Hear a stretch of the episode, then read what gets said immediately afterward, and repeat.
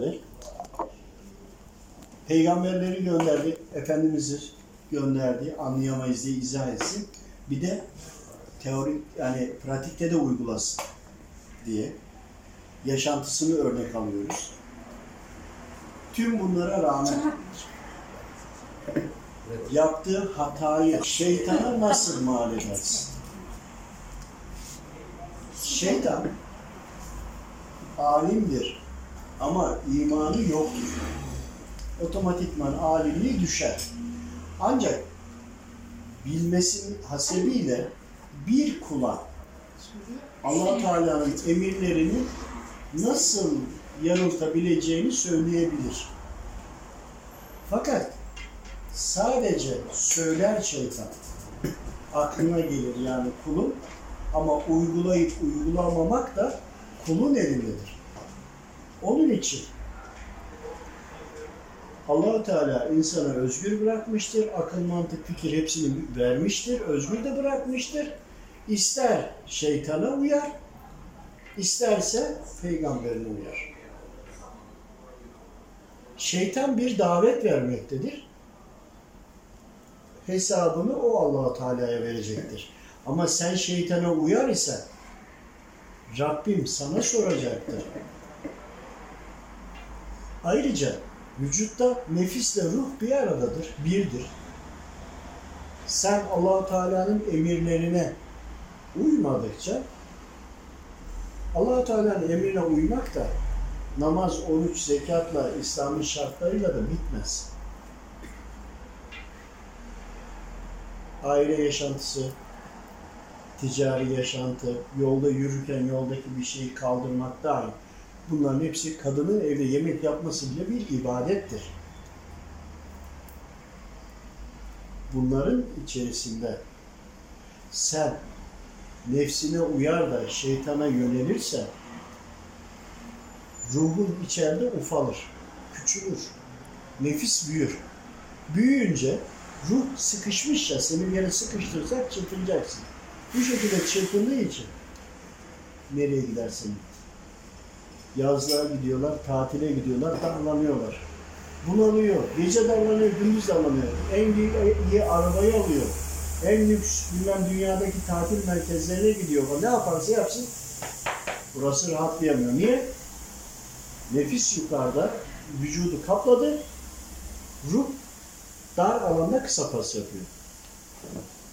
Onun için ruh Allahu Teala'ya, nefis şeytana. Sen yaptığın hataları yaptın. Biliyorsun ki yaptığın hata, günah şeytan yaptırdı diyorsun. Ya şeytan yaptırmadı ki. Nefsin sana yaptırdı. Yani sen yaptın. Yaptığın günah için nefsin sana ortak, burası önemli. Nefsin sana öyle bir oyun oynuyor ki diyor ki sen bunu yapmadın. Şeytan yaptırdı. Yok sen yapmış olsaydın sen hemen tövbe edecektin. Tövbe etmemen için, nefis küçülmemek için, yok olmamak için sen yapıyorsun, suçu şeytana atıyor. Sen yapıyorsun, suçu şeytana atıyor. Otomatikman. Ama şeytan da yapmamış. Şeytanın da bir cismi, şekli, bir vücudu var. Sen şeytan atınca şeytana iftira atmış. Adam şeytana iftira attığı için üzerine musallat olmuş ya. Bak az önce dışarıdaki olan konudur ha bu. Çok enteresan değil mi? Ama yaşadık ve üzerindekilere müdahale edildiği an içi rahatla dedi bana bir şeyler oldu sonunda. İçim boşaldı dedi rahatladım. Dedi ki tövbe et o arada. İnsan şeytana iftira atar mı? E attığı zaman allah Teala adalet sahibi. Yani şeytan da kulu. Çok da iman etmemiş. Rabbimin kulu. Onun içindir ki kendini bilen ruh Rabbini bilendir. Rabbini bilen de rahmeti, güzelliği Rabbinden geldiğini bilir. Azabı, sıkıntı, bunalımının da nefsinden geldiğini bilir. Nefsine zulmeder. Nefsi kendine zulmeder. Onun için de ki şeytan da bir aracıdır. Kendini bilen Rabbini bilir ya, kendini bilen onu da bilir. Ne işi var şeytanla? Şeytan istediği kadar şeytanlık yapsın.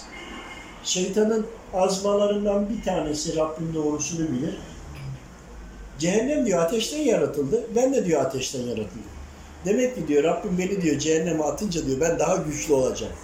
Mantığından yola çıkaraktan Rabbim yani başka sebepleri de vardı mutlaka da manadan bizim öğrendiğimiz tek bir şey var. O da bu. Oraya girince daha çok güçleneceğini zannediyor.